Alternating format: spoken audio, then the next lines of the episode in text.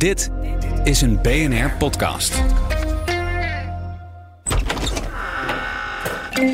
Dit is Studio Den Haag van vrijdag 16 februari met in onze Amsterdamse studio Mats Akkerman, Leendert Beekman en Mark Beekhuis. Ehm, ik zat te denken, we zitten midden in de formatie die totaal vastzit. Uh, ook al is er over gedebatteerd deze week. Uh, misschien is het goed om eventjes de stand van zaken te pakken aan de hand van een motie die deze week werd ingediend door uh, Joost Eertmans. De laatste spreker van de zijde van de Kamer is dan de heer Eertmans van de fractie van Ja21.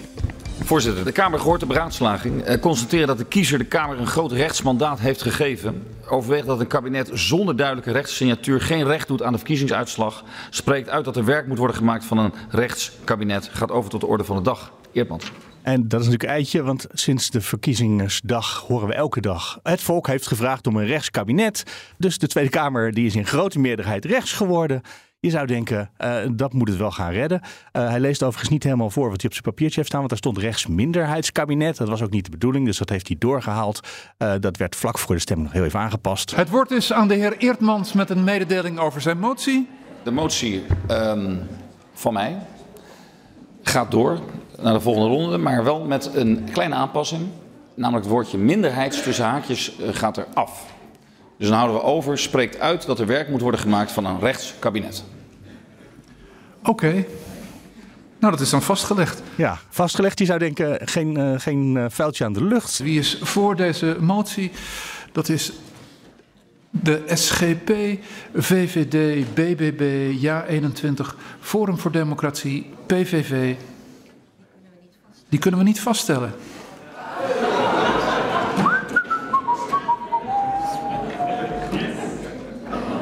Ja, waarom kunnen ze die niet vaststellen? Omdat één partij waarvan je zou denken dat die misschien wel mee zou stemmen, NSC niet meedoet uh, in de stemming. Je hebt net uh, de, alle partijen gehoord. We gaan morgen nog een keer over deze motie stemmen.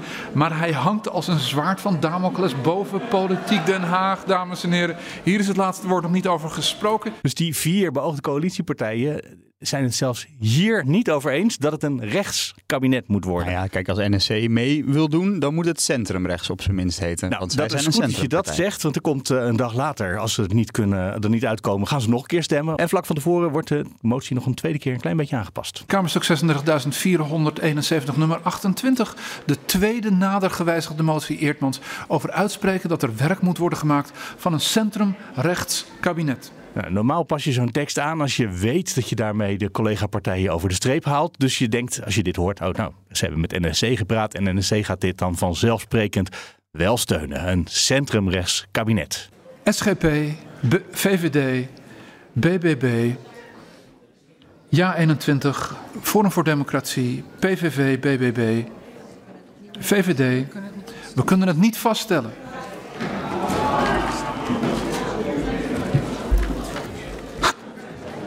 En dat betekent dat we hoofdelijk gaan stemmen. Ik verzoek iedereen tot stilte. Hoofdelijke stemmingen moeten echt in doodse stilte plaatsvinden. Iets rustiger. Van Heijem. Van den Hil. Hirsch. Ja, gaan ze alle 150, nou er zijn vier mensen afwezig, alle 146 namen één voor één langs. En je weet natuurlijk al hoe het afloopt inmiddels, maar het is toch tot het einde spannend. Helder. Hermans. Hertzberger. Heutink.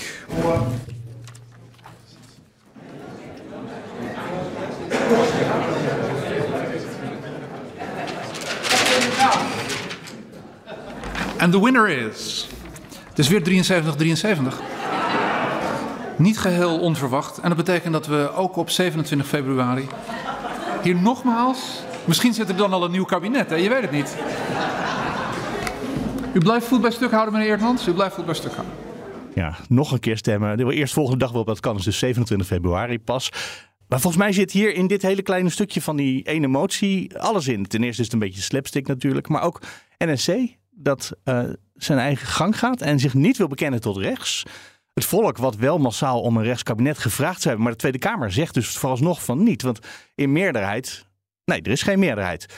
En het zit net zo vast als de formatie zelf. Dat is een beetje mijn analyse. Is dat ook een beetje. Uh, wat, Ja, waar- waarom doet NSC dit, uh, Ja, omdat als ze hiervoor zouden stemmen, kunnen ze weer terug aan tafel gaan zitten. Dan hoeven we ook de volgende ronde over welke vorm moet een nieuw kabinet nou krijgen, hoeven we niet te doen. Want dan kan je gewoon een meerderheidskabinet op rechts gaan vormen met elkaar. Als je het daar kennelijk over eens bent. Maar ze zijn het er niet over eens, dat is wel duidelijk. Ja, het is voor het oog van de, van de natie gebeurt dit. Ja. Ik vind het ook wel weer mooi om uh, hoe onze voorzitter dit toch probeert vrolijk te houden. Ja, Ten koste van alles. Je zag het ook op de livestream, zag je. Hij deed dat, dan wappert hij dat Ja. papiertje. Maar je kon ook die 73, 73 al lezen.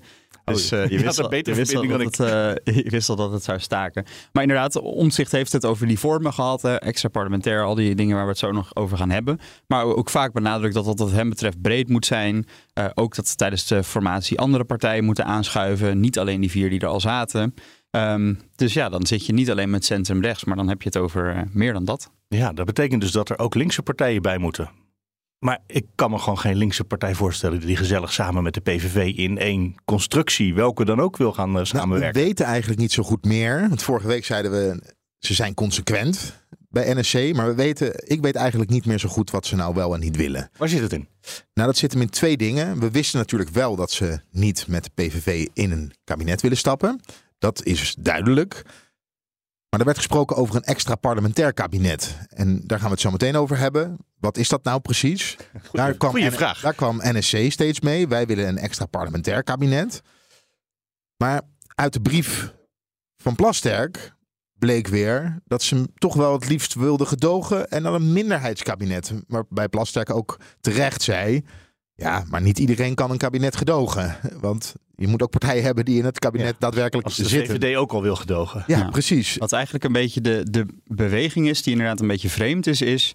NSC heeft altijd gezegd: we moeten een nieuwe bestuurscultuur. En de verhouding tussen het kabinet en de Tweede Kamer moet anders. Dat moet veel minder verstrengeld met elkaar zijn.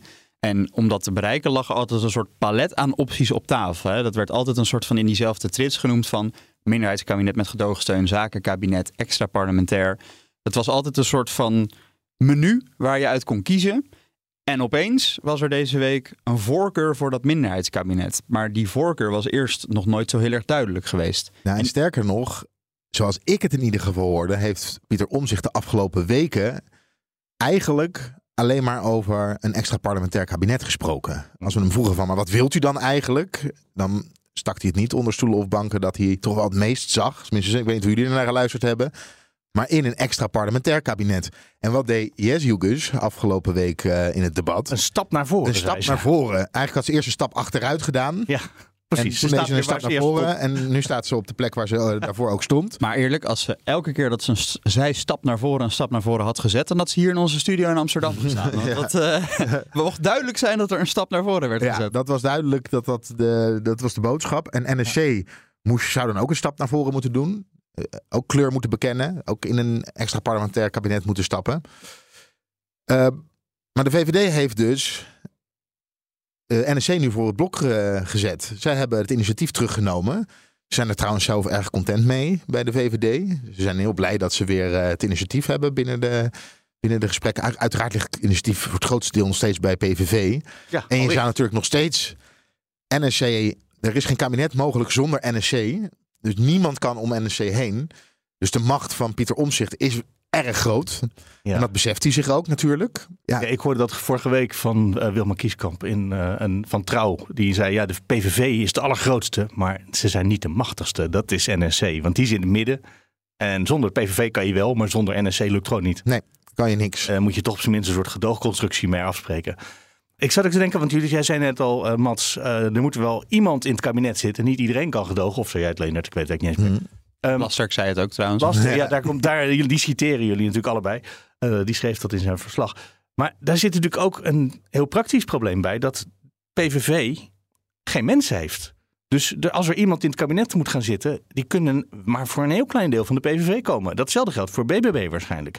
Eh, dus waar komt de ervaring en de kennis vandaan? De formatie, formateurs of de informateurs nu komen bij de PvdA vandaan. Dat zegt iets over hoe goed de PVV in zijn mensen zit. De- dus wie moet er in het kabinet zitten? Ja, dus niet die twee partijen, PVV en BBB, waar het misschien wel de kern van het kabinet zou moeten kunnen zijn. Ja, je bent wel heel ver al hoor, als je het over Nou, je- bewindspersonen hebt. Nee, maar als je ik- die, die zin van eh Plasterk over er moet wel iemand in het kabinet zitten, die wordt heel erg uitgelegd naar ja, dan hebben we dus NSC en de VVD waarschijnlijk nodig. Mhm. Maar ik denk eigenlijk vooral, je hebt die VVD en eh, NSC nodig, omdat BBB en, P en PVV gewoon de mensen niet hebben. Ja, en dan zou een extra parlementair kabinet een uitkomst kunnen zijn. Want dan moeten we gaan uitleggen wat dan Ja. een extra parlementair kabinet zou zijn. Weet jij het wel nou? Nou, het gekke is, in het debat zelf werd natuurlijk Jesse Gus gevraagd van wat bedoelt u er nou eigenlijk mee? En een heldere definitie kan ze er zelf niet van geven. Iedereen heeft er een ander beeld bij, of dezelfde vragen bij, of andere vragen. Dus dat is ook iets wat je echt aan tafel moet bespreken. Nee, het is niet, het is niet louter gedogen. Ik zeg niet voor niets een gelijke mate van commitment.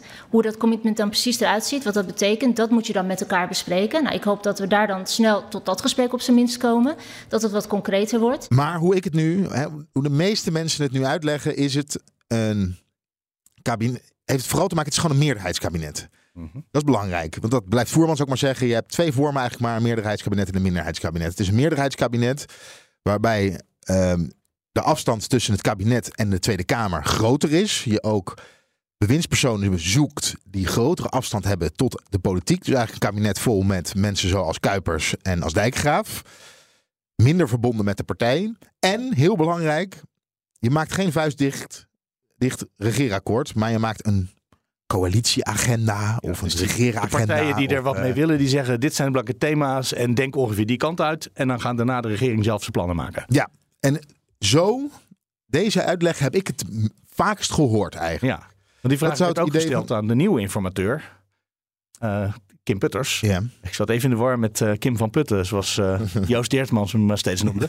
Eh, maar eh, Kim Putters, de nieuwe informateur, die, die eigenlijk ook weigerde te zeggen wat volgens hem het is. U zegt, hè, ik wil graag heel eh, precies zijn. Het is natuurlijk ook veel gaan over die vorm van een extra parlementair kabinet. Wat is volgens u de definitie van zo'n extra parlementair kabinet? Ja, ik begrijp de vraag. En laat ik nou niet vandaag de definitie Putters toevoegen aan de definities die we gisteren voorbij hebben zien komen. Om het nog ingewikkelder te maken, uit het eindverslag van Plasterk blijkt dat NSC zowel niet in een meerderheids- als minderheidskabinet, en een extra parlementair kabinet is een meerderheidskabinet, wil, wil zitten. Dus dan eigenlijk is dan de weg naar een extra parlementair kabinet al afgesneden als je NSC daarbij wil hebben. En in het debat werd ook wel duidelijk dat Omzicht geen bewindspersonen wil gaan leveren als er een extra parlementair kabinet Nee, dus hij wil In principe. Hooguit een wel, soort eh, van hij, zegt, hij zegt elke hebben. keer in principe erbij. Dus dat is wel weer zo'n politiek trucje om altijd een openingetje te houden. Hmm, ja. Ehm, wat, waar staan we nu? Nou, stel nou, want een extra parlementair kabinet. En nu ga ik even terug naar mijn tijden in Leiden. Ach man, dat hebben we Bij tijd de niet gehad. Leidse gemeente hebben we lang niet gedaan. Maar we gaan Nee. terug naar Leiden, naar 2010. In Leiden werd D66 de grootste. De stad werd eh, eigenlijk al tientallen jaren slecht bestuurd. Altijd ruzie. En Paul van Menen, nu senator voor D66, had die verkiezingsoverwinning eh, behaald. Bij far de grootste partij met 10 zetels in de Leidse gemeenteraad. En er zijn er 38. En hij besloot om een stadsbestuur te gaan vormen. eh, die wat op, op grotere afstand stond van eh, de, de gemeenteraad. Daar zaten vijf wethouders in die ook wat grotere afstand hadden van de politiek. Zo eh, ging die zelf niet in, in het college zitten, werd geen wethouder, maar bleef in de gemeenteraad zitten als fractievoorzitter. En koos ervoor om een centrummanager, Robert Strijk, en volgens mij een oud bestuurder van scholen, eh, Frank de Wit, namens zijn eigen partij af te vaardigen. Eh, maar er werd een breed, een breed coalitie werd er, werd gesloten van SP, CDA, D66 en VVD. Ze, zetten, ze hebben één A4'tje gemaakt met geloof ik 15 afspraken uit mijn hoofd. Waar ze zich aan zouden houden. Mhm. En verder was alles een vrije kwestie. Nou, je zou dit dus nu kunnen vertalen. Dat Dit, werkte dit klinkt als goed. extra parlementair, maar dan op gemeenteniveau. Ja, en dat werkte dan hartstikke heb je goed. natuurlijk geen parlement, maar Want je komt ook tegen nieuwe, ja, er komen nieuwe uitdagingen. En dan gingen ze gewoon binnen de gemeenteraad zoeken. Kunnen we met wisselende meerderheden, kunnen we, eh, kunnen we tot afspraken komen. dit is de democratie waar NSC het altijd over Precies. heeft. En ook omdat niet alles dichtgetikt zit, hoef je, ook op het moment dat je in het college zit, niet bij elk eh, besluit dat genomen wordt, eh, hoef je aan te committeren. Want je kon toen er tijd nog bijvoorbeeld de Partij van de Arbeid vragen. De VVD wil niet meedoen, maar kunnen wij dat met jullie doen? En dan lukte het toch nog om afspraken te maken. En omdat er niks vastgelegd was, kon de VVD zich ook niet beroepen op een dichtgetikt akkoord.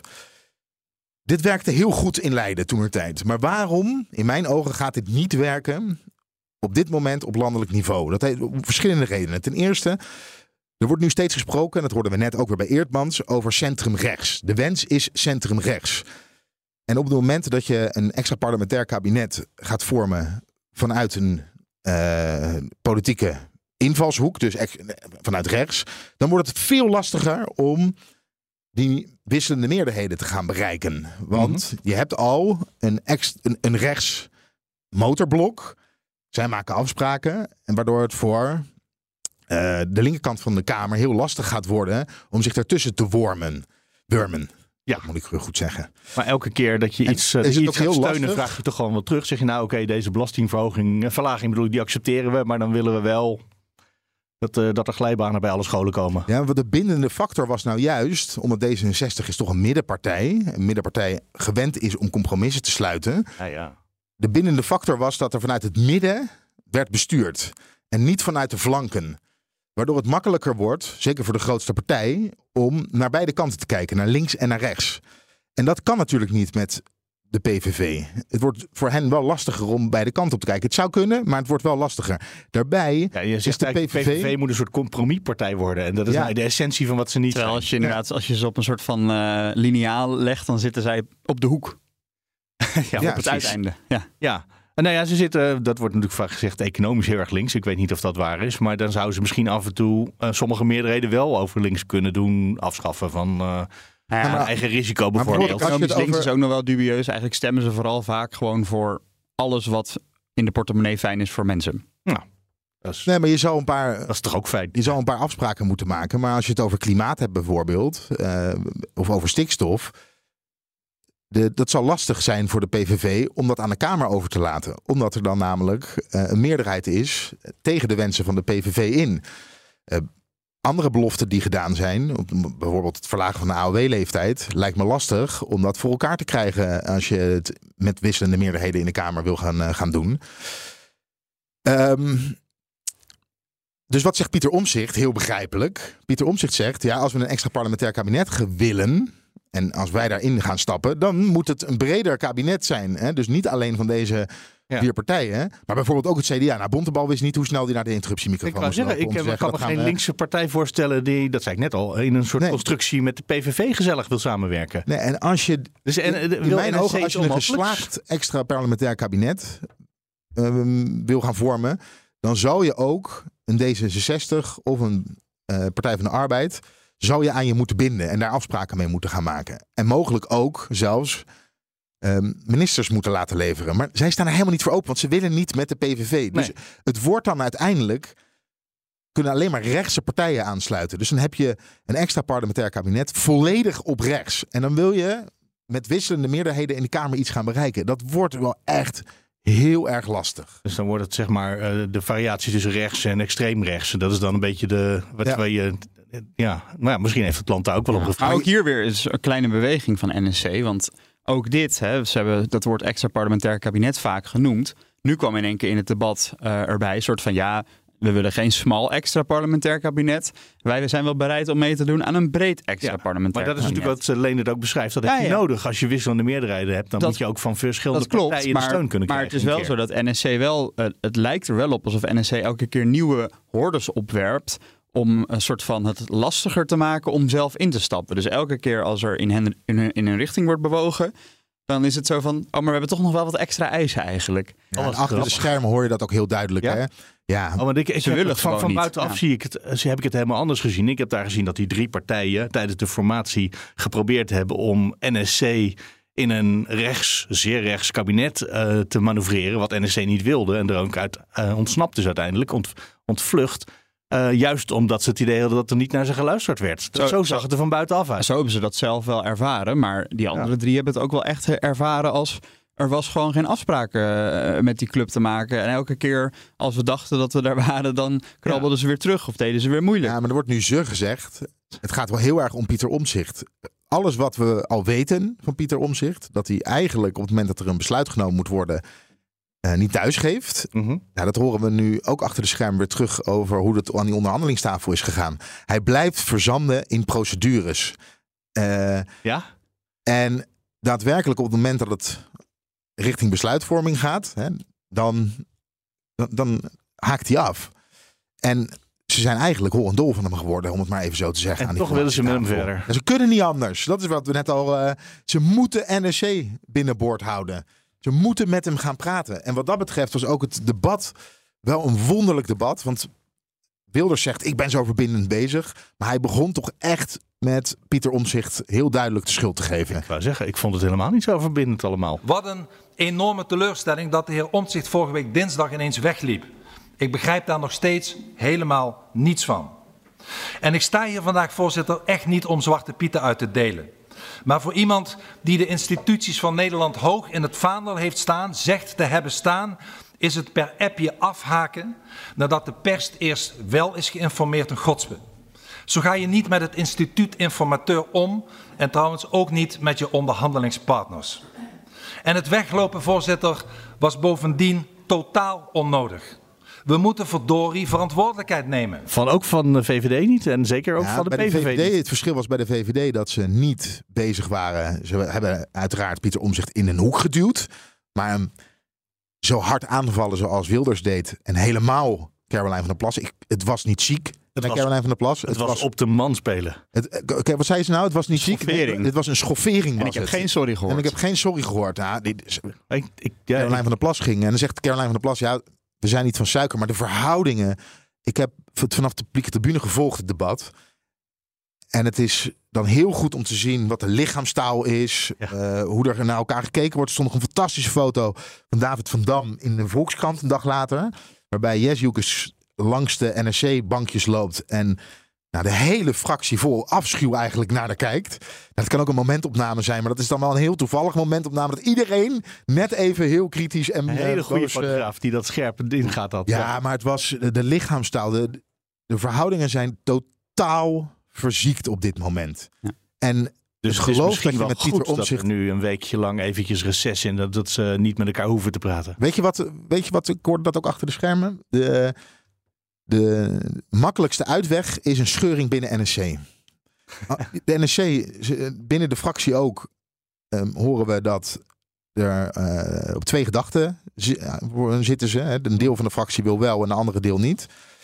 Als het daar uit de klauwen loopt en je krijgt een afsplitsing, ja, dan zou het nog wel eens kunnen dat er een centrumrechts kabinet kan gaan komen. Dus voor Maar de partij is nauwelijks opgericht en nu al scheur is gewoon te vroeg. Ja, dat is waar. Toch? Ja, maar ik heb het nu even wat de makkelijkste uitweg Oh ja, ja, ja, ja, natuurlijk. Wat, wat ik nog wel illustratief vond bij die eh, verziekte verhoudingen, wat echt voor mij het moment was dat ik dacht van oei, dit is echt niet goed, was eh, grappig genoeg eh, een interruptiedebat tussen Pieter Omtzigt en Rob Jetten. Pieter Omtzigt begon over die financiën waarom hij uiteindelijk uit de onderhandelingen was gestapt. De achterstanden bij de sociaal-medische beoordeling van het UWV, een half miljard. LNV, een hele lange lijst. Die lijst van mogelijke tegenvallers, die begon hij helemaal op te sommen, waar hij zo van was geschrokken, die miljarden. Die stukken die hadden gewoon onverweld naar ons gestuurd moeten worden. Rob Jetten boos naar de interruptiemicrofoon. De Jette. Ja, voorzitter, ik sta hier eigenlijk voor een andere interruptie. Maar daar ga ik zo meteen op komen. Want ik vind dit echt kwalijk. En zei echt van ja, dit is een lijst mogelijke tegenvallers. Dat moet je duidelijk maken voor de mensen, dat dit niet allemaal hoeft te gaan gebeuren. Het is niet zo dat de formatietafel is geïnformeerd over tegenvallers. U heeft gevraagd wat zijn mogelijke tegenvallers en mogelijke risico's. Dus ik wil wel heel duidelijk maken voor elke kijker thuis dat u niet kunt gaan optellen wat de heer Omtzigt nu net heeft opgelezen. Dat is niet de staat van de overheidsfinanciën. Uh, maakt er zelfs nog een persoonlijk feit van, omdat hè, die brieven worden uh, de, vanuit de ambtenaren gemaakt en dan uiteindelijk staat er een handtekening van een minister onder. Nou, Jet wilde ook duidelijk maken als minister. Dit is niet ook, mijn brief. Nee, precies. Dit is, dit is allemaal vanuit de ambtenaren uh, gekomen. Dus uh, hij kwam op voor, ook voor Dylan Jessicus, die natuurlijk ook nog minister is en hij zelf die minister is. Ja.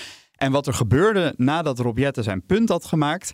Vaak zie je dan dat uh, bij zo'n stevige discussie... dan gaan mensen roffelen op hun bankjes en op, de tafel slaan, zeg maar. En toen Rob Jetten dat punt had gemaakt... alle fracties, behalve nieuw sociaal contract... roffelden op die bankjes. Dus ook Geert Wilders met de PVV... Uh, Dylan Jessicus met de VVD... terwijl VVD D66-verhoudingen was na de val van het kabinet niet zo goed. PVV en D66 zijn tegen Polen... ik, je ziet nooit dat Geert Wilders aan het roffelen is op het moment dat Rob Jetten een punt maakt. En nu dus wel. Dus die hele Kamer keerde zich eigenlijk fysiek door op die tafels te trommelen tegen Pieter Omtzigt. Iedereen was even klaar met hem op dat moment. En toen kwam Pieter Omtzigt daarna nog met een soort van verdedigingslinie. Van ja, maar dit gaat echt wel gebeuren. Of dit had ik nog nooit gehoord en gelezen. Er zijn al een heel aantal van die risico's uitgekomen en, toen, ter en, waarde toen, van miljarden. en toen roffelde er één fractie op de tafel en dat was nieuw sociaal contract. En dat komt dan op zo'n moment een heel triest over. Want dan heb je eerst zo'n hele harde roffel van de hele Kamer voor Robjetten. En dan maakt Pieter Omtzigt nog een puntje daartegen. En dan alleen zijn eigen 19 andere fractieleden die even trommelen. Ja, en- Mensen zeiden na wat Pieter Omtzigt had gedaan... eh, door uit die gesprekken Ja. te stappen... en wel die basislijn over de grondrechten af te spreken... van nou, misschien was het strategisch een hele goede zet... maar de verhoudingen zijn helemaal verziekt. Nou, Pieter Omzicht is tot en met de verkiezingen toch met fluwelen handschoenen aangepakt. Mhm. Terwijl wel bekend was dat het een vrij grillige man is. En daar, daar kwam wel eens wat van eh, naar buiten. nu, eh, alles wordt verteld. Hè, met het hoogtepunt Plasterk, ehm, die eigenlijk bekende dat Omzicht zijn dienstauto had genomen om naar het hotel te rijden, waar hij later met journalisten ging spreken. Om, eh. Hij vertelde het als een leuke anekdote even ja, maar hij, dat was een ongelofelijke steek onder water. Was Ja, dat. precies. En natuurlijk is dat bij een nieuw sociaal contract ook zo ervaren. Ja. Maar dat was, ook, dat was toch ook gewoon een valse streek? Dat, had, dat had Plasterk niet hoeven doen. Nee. Nee, maar ja, Plasterk was natuurlijk ook wel een beetje eh, voor de bus gegooid. Of zo heeft hij dat in ieder geval ervaren. Ehm, door hè, Omtzigt heeft hem wel allemaal dingen verweten. Je, je hebt stukken voor me achtergehouden. Toch wel een stevig verwijt. Hè? maar terecht, Omtzigt dat heeft hij gedaan. Letterlijk. heeft, Omtzigt heeft het beeld geschetst. Hij heeft er wel een hele duidelijke uitleg over die financiële tegenvallers gegeven. Juist omdat het zo in de media kwam. Waarbij hij echt een tijdlijn schetst van nou, ik ontving tussen dan en dan de stukken. En er stond vertrouwelijke informatie in. Dus ik Ja, moest, ja, ik moest dat, dat, maar nog dat heeft hij ook al eerder verteld. ja, precies. Maar ehm, nou ja, laat ik zeggen, Plasterk voelde zich echt eh, door omzicht weggezet als iemand die onbetrouwbaar is en stukken achterhoudt. Ja, maar ik heb en van een het, aantal het, was, het was filijn met- en misschien ook wel een beetje, misschien een beetje kleinzerig van Plasterk. Ja, maar want dat is namelijk niet de rol van Plasterk. En ik heb van een aantal informateurs inmiddels in interviews gehoord... nee, die tuk- stukken komen binnen en die leg je de volgende dag of dezelfde dag... meteen op tafel bij iedereen, want dat hoort. Ja. En, eh, en als, als je omzicht aan tafel hebt, de man die altijd op basis van cijfers en rapporten wil praten... dan doe je dat toch op intuïtie al. Ja, maar- Vooral ook van dat je anders achteraf van omzicht het verwijt krijgt... dat je in de mist hebt zitten onderhandelen over financiën... terwijl de financiën gewoon wel bekend waren. Ja, maar wat hier Plastic hier ook over schrijft in zijn eh, eindverslag is dat dit nooit eerder is gebeurd tijdens een formatie. Dat een lijst mogelijke tegenvallers, dat dat nooit eerder al in een informatieproces is opgevraagd. Ja. Eh, dus dat het wel een unieke situatie was en dat hij daarom moest besluiten hoe ga ik met zo'n aanvraag om. Ja, en Waarbij hij dan dus tot de niet goed conclusie kwam, ik ga, ik ga het wel geven, maar daar, moet, daar zit even wat tijd tussen om wat dingetjes weg te lakken en een geheimhoudingsverklaring op te stellen voor jullie. Nou ja, het, ja, het klinkt op mij alsof Plasterk in ieder geval geprobeerd heeft om een zorgvuldig proces te doen. Het zou kunnen zijn dat, eh, kijk, het verhaal ging natuurlijk wel dat hij een beetje niet daadkrachtig was aan tafel Plasterk en een beetje treuzelig. En misschien dat dat wel een soort voedingsbodem was om dan bij dit te denken van, jezus, nu duurt dit ook alweer zo lang. Nou, en vooral ook, je hebt natuurlijk eh, drie partijen die nog nooit een formatieonderhandeling hebben gedaan. En je hebt een informateur die nog nooit een informatie eh, begeleid heeft. Dus dit zijn allemaal amateurs. En dat is achteraf misschien niet zo'n andere keuze geweest, denk ik dan. Ehm, We hebben ons wel afgevraagd toen de brief kwam. Wat hebben jullie in godsnaam de afgelopen weken met elkaar gedaan? Want er staat de basislijn, de afspraken oh, rondom de rechtsstaat staat beschreven. Daarna staat het hele deel rondom de overheidsfinanciën staat beschreven. Verder niets. Niets over migratie. En wat zegt Plasterk Niets daarop? over bestaanszekerheid. Nou, Plasterk zelf heb ik er niet naar gevraagd. Maar wel eh, de partijen die aan, aan tafel hebben gezeten. Waarbij ik ook wel hoor, we hadden wel op bepaalde vlakken, bijvoorbeeld op migratie, waren we er eigenlijk vrij snel waren we eruit. Overheidsfinanciën waren we het over uit. En dan niet over hoe gaan we het allemaal invullen, maar in ieder geval aan welke kaders gaan we ons houden. Dus we gaan ons gewoon aan de Europese begrotingsrichtlijnen houden. Ehm, we laten het overheidstekort niet oplopen. Het wordt een hele, wordt een hele lastige taak.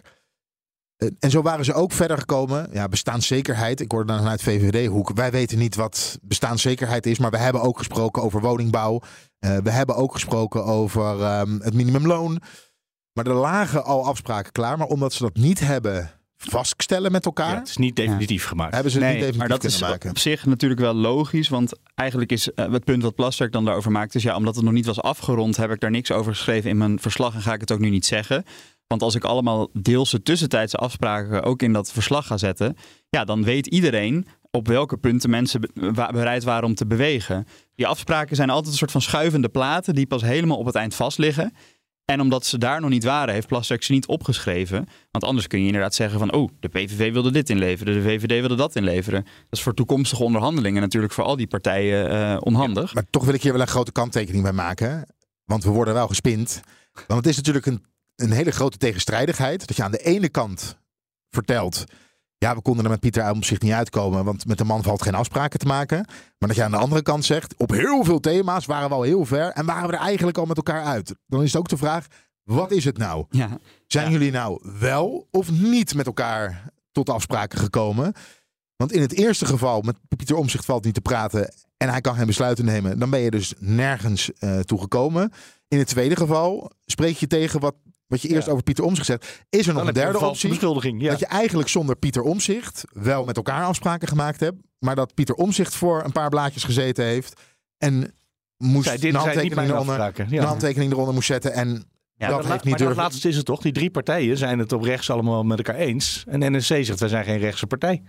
Mm, nee, dat denk ik ook niet hoor. Want als je bijvoorbeeld inderdaad naar punt financiën gaat, dan denk ik dat het eerder VVD en NSC was die het meer eens waren. Dus ik denk, is ik ook denk waar, dat dat echt niet zo is. Maar inderdaad, de conclusie van Plasterk ook wel, is ook wel echt kort door de bocht. Want eigenlijk platgeslagen zegt hij, omdat NSC van tafel is gegaan, kan ik helemaal geen conclusies trekken over fase 2. Terwijl de opdracht van fase 2 was niet leg een eh, compleet regeerakkoord neer van deze vier partijen. Het was alleen Kijken of er onderzoek of er is. perspectief is Ja. om verder te praten. En volgens mij zegt hij later ook wel, eh, letterlijk, dat dat eh, zeer wel kan worden bereikt. Dus eigenlijk Ja. trekt hij wel de conclusie dat er perspectief is. Maar wel nog even met de steek van, ah, ik kan het eigenlijk niet concluderen, want omzicht is weggelopen. Maar kan toch wel concluderen dat het er toch wel is. Ook En dan ben ik verbaasd over de nieuwe opdracht voor de nieuwe informateur. Want dus de vorige zegt, nou, we zitten op de goede weg. We hebben deze vier partijen, die moeten lekker door. En de volgende informateur die krijgt de opdracht om eens over de vorm te gaan praten met alles en iedereen. En eh, die heeft helemaal niks meer met deze beoogde coalitie te maken. Eh, wa- waarom gaan we dan weer toch weer, ja, bij, in de PvdA noemden ze het een, eh, eigenlijk weer een verkenner die nu wordt Ja, aangesteld. maar ook hier was de Kamer. sprak zichzelf tegen. Nou, de Kamer, Want- ja, nee, ja, maar de laten Kamer we dan wel. niet de hele Kamer, maar alleen de PvdA even pakken. Die zeggen, we, we, we hebben nu een verkenner benoemd. Wat, Nou, aan de dat herken kant- ik wel een beetje. Nou, aan de, aan de ene kant zeggen ze. Wat misgegaan is in het vorige proces met Plasterk. Is dat er niet over de vorm gesproken is. En daardoor is de boel vastgelopen. En dat je eigenlijk op 10 januari, toen Ja. duidelijk werd dat Pieter Omzicht niet in een kabinet wilde stappen, had je kunnen stoppen. Dus helemaal een argument op vorm. Om vervolgens, als er een motie komt, we gaan eerst eens kijken of we op vorm eruit kunnen komen. Te zeggen, ja, waar is dat nou voor nodig? Want het is toch duidelijk welke partijen er met elkaar aan tafel moeten gaan zitten. Ook hier weer, wat is het nou? Ja, maar er is natuurlijk niet. Ja, er is wel één Tweede Kamer. Maar ik bedoel, de Tweede Kamer is niet één, één Ja, iemand. Maar zitten- zei het ook. D66 zei het ook. eh, het CDA zei het ook. Het was duidelijk tijdens het debat. Het is vastgelopen op uiteindelijk op vorm. Je had niet verder moeten praten na 10 januari. Dus is het wel zo handig om nu dan, waar het vastgelopen is de vorige keer, om daar weer te beginnen. Om eerst even te kijken in welke vorm willen we dat nou gaan doen. Maar al die Want het heeft geen zin om op inhoud. Ja, het is heel belangrijk om op inhoud te praten. Maar als je nu weer verder gaat praten op inhoud met deze vier partijen, dan kom je toch nergens terecht. En waarom dan alle En partijen, is jouw met- vraag? Maar met al, ja, nou, vooral omdat dat is al, die, al die partijen niet met de PVV samen willen. Dus we houden maar PVV, dat is zolang de natuurlijk PVV een- in het scenario zit, heeft praten met die anderen niet zoveel nut. Klopt, daar heb je 100% gelijk En dan in. gaan ze toch vier weken voor uittrekken. Dat klopt ook. Maar de reden daarvoor is natuurlijk weer Pieter Omzicht. Omdat hij zegt, ja, extra parlementair kabinet. Ik wil een breed extra parlementair kabinet. Eh, en uiteindelijk om die motie van Wilders, die deze informateur met deze opdracht voorstelde, moet een meerderheid hebben. Ehm, dus dan weet Wilders, ik moet NSC aan boord hebben om voor deze motie te stemmen. Dus moet ik een tekst maken waar hij zich ook in kan vinden. Daarom zit er in die tekst om met iedereen weer te gaan praten, met z'n allen over extra parlementair. Want dan kom je bij dat brede extra parlementair wat Omtzigt graag wil. Als Omtzigt had gezegd, eh, als, als Wilders had voorgesteld om alleen met die vier eh, die onderzoeken te gaan doen, dan had Omtzigt waarschijnlijk niet voorgestemd. Dan hadden alle partijen op links gezegd, nou daar stemmen we ook niet voor. En had Wilders motie geen meerderheid gehaald en dan zat het proces vast. Eh, nee, dan was het op rechts totaal mislukt. En dan was de PvdA aan zet. Ehm, ja, maar ja, en dat dan. klinkt, Ja, als ik dit gesprek van vandaag zou, eh, een beetje zo eh, op me in laat werken, ook veel realistischer. Want er zijn veel meer opties met linkse coalities. Zeker ook als je het extra parlementair wil hebben. Dat je af en toe de SP, maar lang niet altijd. Soms de Partij voor de Dieren, lang niet altijd. Ehm, en dus misschien dat de PVV af en toe wel meestemt, maar dan niet in, aan, de, aan het roer zit. Is de, gaan we daar niet toch voorzichtigjes naartoe? Nou ja, kijken zou- heel nee, moeilijk. Ik zit, nee, omdat ik erover na denken ben. Omdat namelijk mijn betoog dat op het moment dat je een extra parlementair kabinet wil laten slagen, dat je elkaar wat moet gunnen, elkaar niet moet uitsluiten. Want dat- als je elkaar al uitslaat bij voorbaat, heeft het geen zin om die Kamer op afstand te zetten. Dat is mijn hele punt. Ja. En, ehm, maar dat is wel wat. Om te zeggen van ja, we gaan eens kijken of we op. Met wisselende meerderheden in de Kamer iets kunnen bereiken. Nee, want je, gunt elkaar het licht in de ogen niet. Nee, precies. Dus maar zolang moment de PVV in het scenario zit, is, is een extra parlementair kabinet niet mogelijk? Nee, je zou het kunnen doen op het moment dat je eh, het met bijvoorbeeld Partij van de Arbeid, GroenLinks, D66, Nieuw Sociaal Contract en VVD. Daar zou je een extra parlementair kabinet mee kunnen. eh, dat is natuurlijk iets wat de VVD. Nee, dat willen ze niet. Nee, eh, maar ze komen met een extra parlementair kabinet. Maar dat willen ze dan alleen op rechts. Ja, en dan is het gewoon het verhaal van Voermans. Dan heb je gewoon een meerderheidskabinet met vier partijen op rechts. En dat kan je dan extra, extra parlementair noemen. En op papier zetten dat je de Kamer op afstand zet. En dat je meer dat ruimte voor de Kamer. dan. Dat gebeurt dan allemaal niet. Misschien goed om nog even, want inderdaad, ik- ik heb Voermans er even bijgehaald. Die heeft eh, een mooi, mooie uitleg van extra parlementair, die eigenlijk alles eh, samenvat. Dus die wil ik toch dan even zeggen. Extra parlementair kabinet is een verwarrend begrip. Sommigen denken dan aan een kabinet met veel of hoofdzakelijke bewindslieden van buiten de politiek, maar dat is eigenlijk een zakenkabinet. Anderen weer aan losse afspraken met de Kamer, maar dat is een regeerprogramma in plaats van een regeerakkoord. En dan citeert hij een eh staatsrechtgeleerde. Hij zegt: Het gebruik van het begrip extra parlementair kabinet werkt verwarring in de hand. Want het wekt de indruk dat de constitutionele verhouding tegenover de Tweede Kamer bij zo'n kabinet een andere zou zijn dan bij een normaal parlementair kabinet. Zo is het niet, want bij ieder kabinet komt het gewoon aan op het vertrouwen van de meerderheid van de Kamer. Precies wat Leender dus eigenlijk zegt. Iedereen gebruikt het woord maar, maar het slaat nergens op. We hebben het sinds eind 19e eeuw überhaupt nooit meer gehad. En toen was het eigenlijk ook wel raar. Je moet er uiteindelijk een labeltje op gaan plakken. Omdat een meerderheidskabinet op dit moment niet lukt. Omdat zich niemand zich daar wil aan verbinden. En als je er een ander labeltje op plakt. Dan krijg je misschien NSC wel mee. Precies, en dat is ook nog wel weer interessant aan de opdracht van Kim Putters. Want het is niet zo dat hij nu. Hè, hij heeft eh, vandaag een gesprek met Herman Schenk Willing en Ton de Graaf. Volgende week gaat hij zich inlezen, voorbereiden, want reces. En daarna gaat hij met de fractievoorzitters praten. Het is niet zo dat hij volgende week al een definitie van extra parlementair op tafel heeft van dit is het. En daarna ga ik met de partijen praten. Nee, hij gaat daarna ook nog met de partijen praten. Met wat vind jij eigenlijk dat een extra parlementair kabinet dan is? En hoe zou jij daar invulling aan willen geven? Dus eh, ze gaan niet een soort vaste definitie hanteren. Ze gaan met de politici zelf eigenlijk Die hele een, een definitie begrip die wordt eh, eigenlijk het proces uitgemasseerd. Dus die partijen moeten gewoon zeggen, hoe Nou ja, willen het- jullie het wordt eigenlijk samenwerken? politiek gemaakt, Hoe willen inderdaad. jullie samenwerken? Ja, dat wordt eigenlijk de vraag precies, die die ja. gaat doen. Wat wel humor is, is dat we In deze zware tijden, In deze ja. zware tijden. Het grootste probleem waar Nederland nu voor staat, is hoe we een volgend kabinet gaan noemen. De vorm. Terwijl er natuurlijk enorm grote problemen in Nederland zijn. En de partijen die het best zijn geweest in het benoemen van de problemen waar Nederland voor staat. Hebben het nu eigenlijk alleen nog maar over in welke vorm willen wij met elkaar in een kabinet stappen. En zijn ruzie met elkaar aan het maken eh, op, eh, op persoonlijke titel. Maar is dat Is misschien ook niet een soort afleidingsmanoeuvre waarin wij van de journalistiek gewoon mee zijn gegaan? Ze zijn aan het discussiëren met elkaar en vechten met elkaar en er gebeuren allemaal procedurele dingen en dat loopt allemaal. En ja, dus je moet natuurlijk aan de achterban uitleggen wat je aan het doen bent. Dus dan eh, hebben we het maar over, ja, we willen wel extra parlementair. Of ja, we willen dat juist niet. Of we willen een meerderheids- of een minderheidskabinet. Ja, maar er gebeuren ondertussen wel allemaal dingen. Ja, daarom bedoel ik. Maar is dit niet, Maar ook- maar is, ook- is die discussie over dat woordje niet gewoon de grote afleidingstruc waardoor ze hun gang kunnen gaan tot ze iets gevonden hebben waar ze met elkaar over eens zijn? Ja, dat zou kunnen, ja. Maar het, het- grote rookwolk. Eh, het wordt wel tijd dat, ja, maar dat er afspraken gemaakt gaan worden.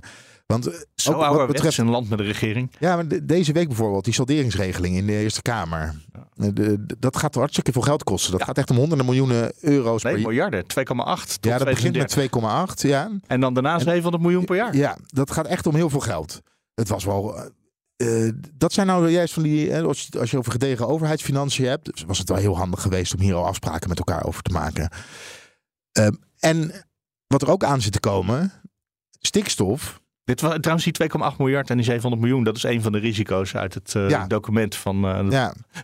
waar Plasterk wat hij achtergehouden had, zou ik maar zeggen. Nou, een ander, en het is maar goed dat de Kamer dat is gisteren eh, Christiane van der Wal het geld heeft gegeven om boeren te gaan uitkopen. Ja. Maar er zit er een rechtszaak aan te komen. Dat is een ander. dat tot 15 miljard schade kan op, opleveren. Dat is de, de rechtszaak van Greenpeace. Eigenlijk een Urgenda-achtige rechtszaak. Waarbij Greenpeace zich de, de overheid wil committeren aan de afspraken die ze zelf hebben. ja. ja. Maar dat kan dus vanaf 2025 al hele grote gevolgen hebben. Dus het is van uiterst groot belang dat er een kabinet op korte termijn gaat komen. Waar ook afspraken bij gemaakt worden.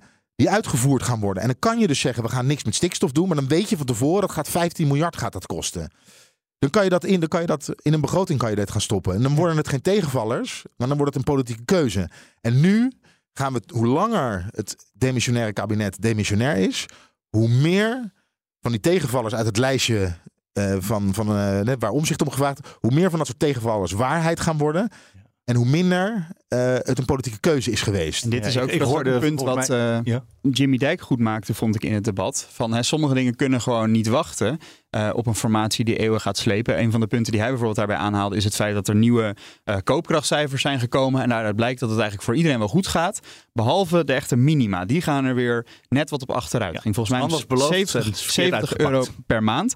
En dat leidde tot een fel interruptiedebat met Geert Wilders. Dat kunt u niet maken, meneer Wilders. U kunt het niet maken tegenover die mensen die nu 70 euro per maand meer aan het betalen zijn en niet kunnen leiden. U kunt het niet maken. Nee, Het, het kan niet anders. Het kan niet anders. Het is, het is altijd zo dat op het moment dat Wat je een onderhandelt, flauwekul. Hoezo ik- kan niet anders? mij- U kunt het wel doen. We kunnen De gewoon heer een voorstel Wilders, de heer indienen en- Wilders, de heer en Wilders, de voorstellen, heer Wilders Wilders. is Het aan kan het gewoon. woord. De heer Wilders is aan het woord. Juist, als u geen antwoord wil horen, dan, dan kan ik beter niet antwoorden.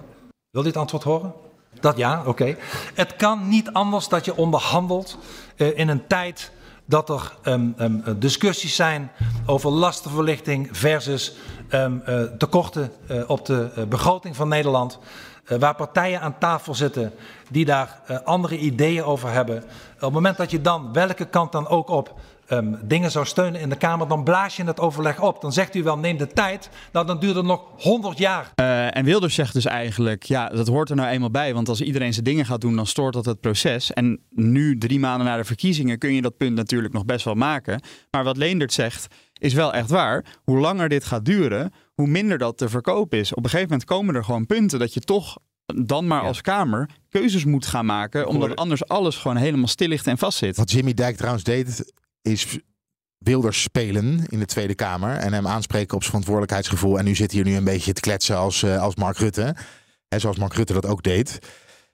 Waarbij Wilders eigenlijk zei op een gegeven moment: Ik snap wat u doet. Ik had het in uw positie ook gedaan. Dat vond ik heel opvallend. Dat was, was heel eerlijk van hem. Ja, dat was heel eerlijk was Ja. het van hem. Maar ik hoorde ook Hugo de Jonge volgens mij, was, hij dacht dat hij het was, ook zeggen... Ja, zo, als, naarmate de formatie langer duurt, word je als minister elke dag ietsje minder demissionair. Je gaat toch weer gewoon aan het werk. Ja, precies. Je Is moet. Gewoon zo. En Ja. wat vonden jullie van het optreden van, van Wilders? Even het begin daar gelaten. Eh, in principe. Dat is vooral wat is blijven hangen, moet ik zeggen. Ja, het begin de aanval op, eh, op Pieter Omzicht. Ja, en gewoon zijn, de hele toon, die helemaal niet opbouwend, niet, niet constructief was. Nee, in het begin zeker niet. En hij wilde ook verder niet meer. Hij wilde niet terugkomen op alle onrechtstatelijke eh, uitspraken. Nee, ik ga alleen en, eh, mezelf niet recenseren. eh, nee, dat, is- dat zijn we had hij makkelijk eh, kunnen doen. Dat zijn we gewend. Nou, dan, dan was er wel een hele lijst eh, natuurlijk. Dan, had hij, dan had hij de hele middag lang zijn excuses voor van alles en nog wat kunnen aanbieden. Nee, Dat- hij had kunnen zeggen, dit zou ik nu nooit meer zeggen. Ja. Dit heb ik ooit dat gezegd, gezegd. en ik meende dat wel gezegd. oprecht. Ik ga dat nu niet meer zeggen. We Maar hebben, zo zei hij het niet. En zeker niet tijdens het debat. we hebben nu al nieuwe afspraken gemaakt. Ja. Eh, en wat ik ook opvallend vond, hij zei constant: Ik heb met een constructieve houding aan tafel gezeten. Vraag het de rest zometeen Ja, maar. dat deden ze niet. Dat deden ze niet. Nee. En dat is natuurlijk wel Want het is een risico wat het antwoord is. Ja, want iedereen voelde wel aan. Het antwoord is waarschijnlijk ja. Ja. Geert Wilders heeft heel constructief aan tafel gezeten. En hij heeft water bij de wijn gedaan. En hij wil afspraken maken. Hij is bereid om te regeren. En dat is een beeld van, van, van Wilders. Want ze zijn, we zijn met beeldvorming bezig. Het beeld neerzetten van Wilders die wegloopt. Mhm. Want dat probeert hij nu Ja, dat heeft hij een paar keer gezegd. Ik ben niet weggelopen. Nee, hij is nu niet weggelopen. Wel. liep weg. Maar hij wil gewoon weglopen, geen verantwoordelijkheid nemen. Zich afzetten tegen alles en iedereen. Niet met oplossingen komen. Dat beeld, zeker vanuit de toekomstige oppositie, zullen we maar zeggen, moet heel erg versterkt worden. En dat moet je niet afbreken door vragen te gaan stellen aan bijvoorbeeld Jezus of Van der Plas. Van hoe was het eigenlijk om met Geert Wilders aan zijn onderhandelingstafel te zitten? Was hij inderdaad constructief? Vraag werd niet gesteld. Nee. Waardoor we het antwoord wel weten. Nou, weet, nee, daar, waardoor we het antwoord niet weten, maar we hebben wel kunnen bedenken. Ja. Ik kwam toevallig uh, een, een uh, maatje van me tegen, vlak bij de Tweede Kamer, die ik lang niet had gezien. En die had toevallig ook het debat gekeken. Um, en hij is iemand die het politiek een beetje volgt, maar niet zoals wij. En die zei dus inderdaad wel van, nou, ik vond het wel opvallend hoe Wilders daar kalm was en wel premierwaardig. En uh, dat ik toch opeens wel dacht van, nou, misschien zou hij het wel kunnen. Dat was een blik van een buitenstaander. Maar toen dacht ik van, nou ja, hij, mensen zien dus blijkbaar wel dat hij toch echt wel een andere toon aanslaat. En ja. soms inderdaad zo'n, even zo'n sneer naar omzicht aan het begin. Ja, dat, moet hij dan even, dat moet dan even van zijn hart. Ja. Maar iedereen, ik heb nog niemand gehoord in 2010, 2012, Rutte 1 die betrokken is geweest bij het, zowel het formatieproces als als minister in het kabinet heeft gezeten. Stuk voor stuk zegt iedereen die daarbij geweest is: met Wilders kan je afspraken maken en hij houdt zich eraan. Ja. Je moet ook afspraken maken over alles. Want uh, op alle andere dingen, dat heb ik van de SGP meneer geleerd. Uh, op alle andere onderwerpen kan die ineens met een konijn uit de hoed komen. Ja, maar dat is misschien ook wel weer. Hè, als je zegt we willen regeerakkoorden niet dichttimmeren. en tot op de komma punt 00 weet ik veel wat afspraken maken. Dat betekent dan moet die elk... ruimte ervoor zijn. Ja, maar dat betekent wel dat je de hele dag het risico loopt. dat Geert Wilders toch nog weer ergens een konijn in een hoge hoed heeft. Nou. Dan roept hij een keer iets wat hij echt vindt. en dan ga je daar in de Kamer stevig met elkaar over in debat. en dan wordt het misschien toch ja. iets dualer allemaal iets meer dualisme. Ja, ik, ik geloof er nog niet zo in. Ik zit ook te denken, want ik heb ook wat andere debatten bekijken. En misschien dat Geert Wilders dan wel vriendelijk en toege toegefelijk is geworden. Maar de andere leden van zijn fractie, die gebruiken nog steeds de ouderwetse teksten en strategieën. En hebben het over uh, de Europese provocatie richting Rusland. En dat is dan wel weer een beetje. Ja, dat terug, moest weer teruggetrokken worden. Maar dat is ja. teruggefloten. Maar dat ja. was in een medespeech die helemaal was uitgeschreven, woord voor woord. En wat ik begrijp is dat teksten bij, uh, uh, in, voor de inbreng in, parlement, in het parlement, in de grote zaal, in ieder geval altijd even langs Wilders gaan. Dus daar is van tevoren over afgestemd. Uh, dat dit is wat er gezegd moest worden. En dat dat dan in de tweede termijn. Ja, nou ja, het was allemaal een misverstand. En dat het een week later nog steeds een misverstand was. Maar ja. ik heb, van de is... week was er ook een debat over, uh, gisteren of eergisteren, over uh, de landbouw. En daar kwam het klimaat uitgebreid aan de oor. Als je de mevrouw, die, ik ben even de naam kwijt, van Leeuwen of zoiets. Nou, ja. Ja. ja, die. Daar, daar, dat klinkt als PVV. Dat klinkt niet als de nieuwe Wilders die een, een make-over heeft maar gehad. het kan, ja, kijk, dan ga je naar politieke kleur kijken. Ik vond de discussie over het wel of niet afschaffen van de NPO daar wel in wel een mooie. Hij heeft niet gezegd we gaan de vrije pers afschaffen. Hij is geen voorstander van een publieke omroep. De vrije nieuwsgaring, uh, als je dat uh, op, zoals wij doen op eigen kosten kan. Niet dat ik alleen pleit voor, uh, ik pleit er absoluut niet voor om de publieke omroep. Nee, de maar... grootste journalistieke organisatie van Nederland en in zekere opzichten de beste. En vooral degene waar de collega's het meest aan hebben, denk ik. Maar dat is, is de het, NOS. Maar is het ondemocratisch om te zeggen... een door de staat gesubsidieerde uh, omroep, een omroepbestel...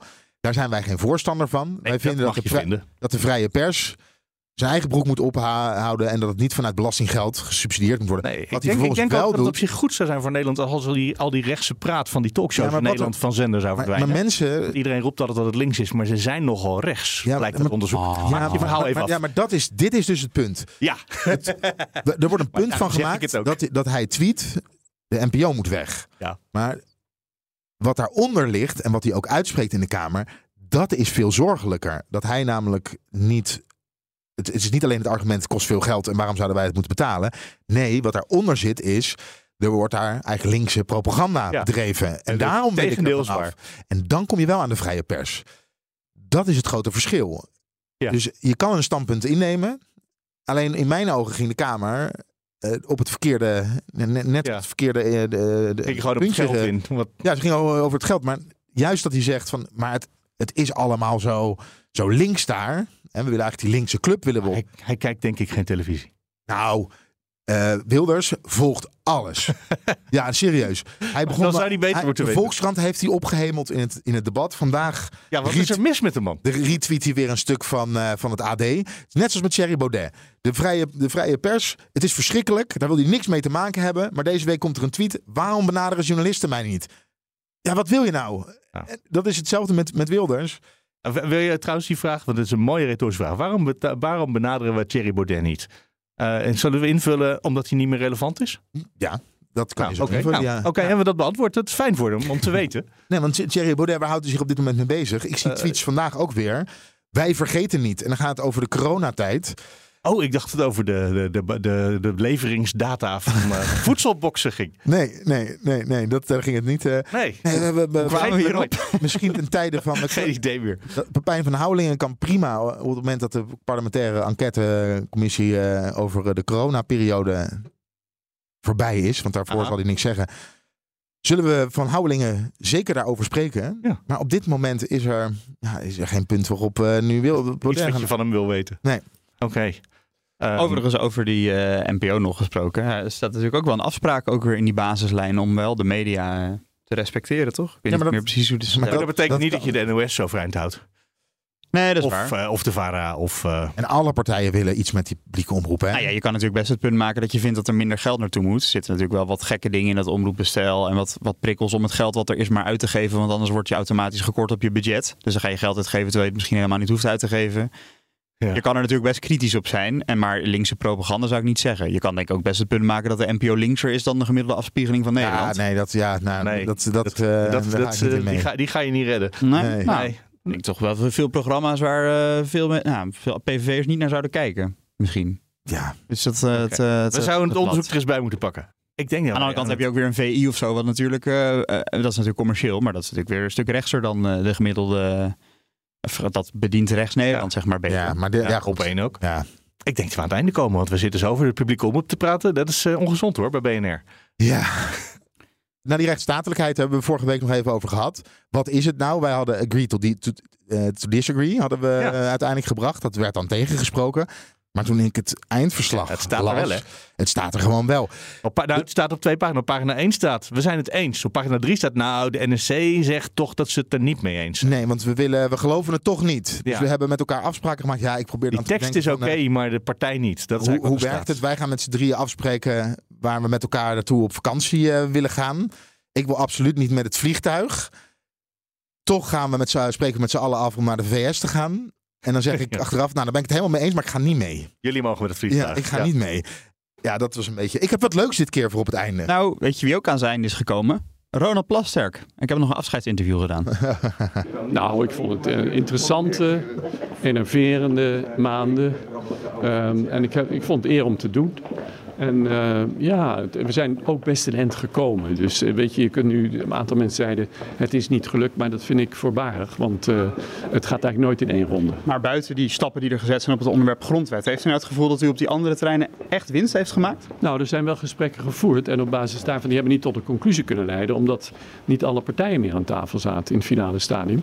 Maar, maar anders had dat misschien wel gekund. En nu gaat u denk ik weer uw bedrijf opstarten? Zo is dat.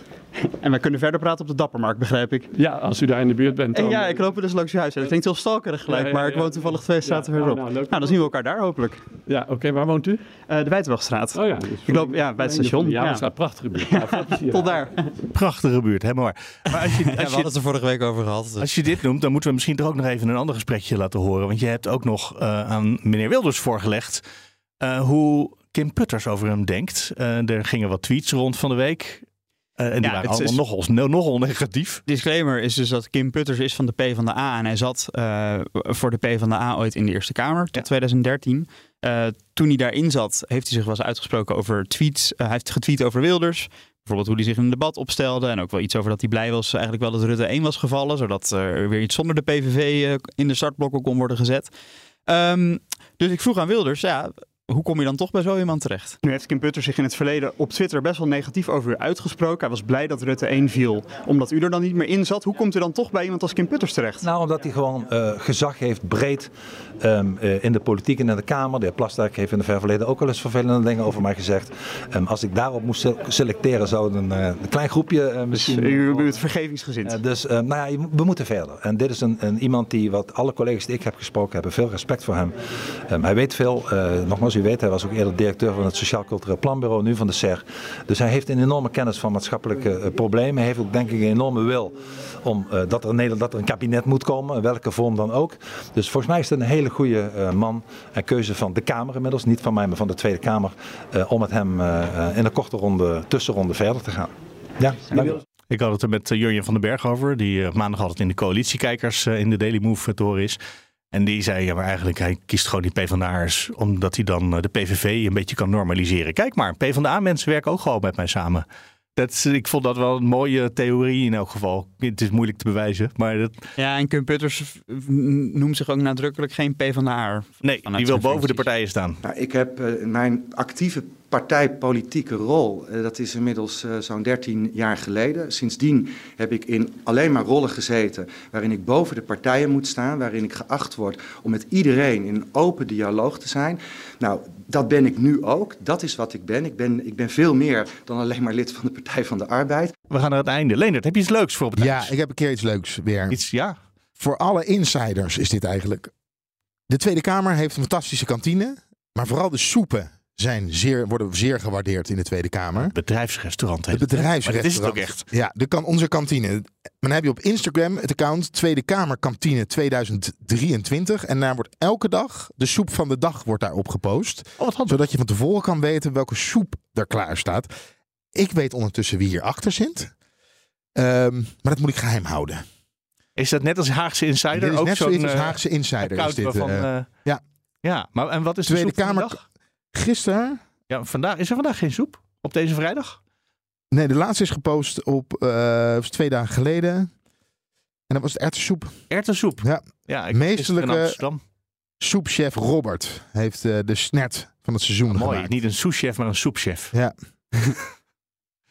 nou, dit is heel nuttige informatie voor iedereen die regelmatig in uh, Den Haag moet zijn en dan daar ook de lunch uh, moet. Uh, ja, dan weet je van tevoren al. wordt s morgens vroeg gepost, dus je hoeft ja. niet te wachten tot 12 uur is. Dan weet je al wat de soep van de dag gaat worden. Kan je daar helemaal op instellen. Met een plaatje erbij ook. Ja, ja. Mooi. Ja, ja kijk. Zo. Goeie informatie. Hey, zo, uh, zo rommelen we naar het einde van ik deze had ook wat podcast. Leuks. Heb je ook wat leuk? Het is Mats. Nou, ik had het overslaan. Ik had een hele leuke week, want uh, BNR had een artikeltje over mij geschreven met uh, de titel Mats Akkerman, politiek verslaggever oh, ja. bij BNR. Um, want ik mocht deze functie eerst een paar maanden vervangen doen. En op een gegeven moment kreeg ik hem definitief. Nou, dat weet ik al een aantal weken. Maar BNR wilde dat ook officieel uh, bekendmaken met een Als artikeltje. Een soort persbericht. Als een soort persbericht. Een soort mini-interviewtje. Nou, niet het meest inhoudelijke interview wat ik ooit heb gegeven in mijn leven. Maar dat terzijde. Um, maar ook uh, nou, veel felicitaties gehad van uh, collega-journalisten. Dus dat was erg leuk. Maar toch ook wel, en dat had ik misschien niet helemaal verwacht. Maar ook van een aantal Kamerleden die dan wel onder mijn tweetje hadden gereageerd. zelfs me hadden geappt of in de gang even je wordt gepaaid. en zeiden je wordt gepaaid. Maar ik dacht wel gelijk, ja, je bent lid ben van de ik familie, niet kritisch maar, genoeg? Ja, Want iedereen is blij dat ik blijf. nee, ook met kritische journalisten zijn ze heel blij. Ja, je kan ja, hard Iets op anderen. Hard op de inhoud en uh, zacht op de persoon of zo. Ja, ja precies. Maar leuk in de omgang. Precies wat uh, Waar, van de Plas deze week niet lukte. Ja, um, ik had in ieder geval ja, daarom wel een leuke week. Ja, hebben we je al gefeliciteerd in deze podcast. Ja, we wisten het ook al een tijdje, ja. maar dat is, uh, het, dat is inderdaad omdat het al een paar weken lang zo uh, min of meer bekend is. Maar dan gefeliciteerd. Ja. Welkom als uh, nieuwe presentator in deze podcast, zeg ik dan maar. Um, we gaan naar het einde, want we zitten al bijna nu te praten. Mm -hmm. um, met Mats Akkerman dus. Leendert Beekman, ik ben Mark Beekhuis. Volgende week vrijdag zijn we er weer. Dat wil zeggen, Leendert, jij hebt denk ik een weekje ja, reces. reces. Ja, heerlijk. Mats en ik hebben gewoon uh, dienst, alsof er niks aan de hand is. Dus uh, tot dan. Ja, valt vast wel wat te melden. Want Ah, Kim Putters gaat uh, eerst achter gesloten deuren dingen doen. Maar richting het eind van de week gaan er wel weer dingen gebeuren, is mij verteld. Ik vraag me er nu al op. Tot dan.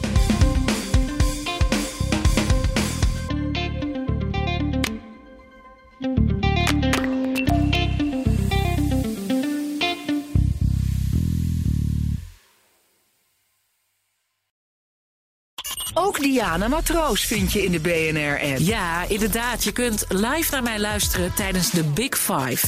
Ook handig in de BNR-app. Breaking nieuwsmeldingen, maar ook het allerlaatste zakelijke nieuws.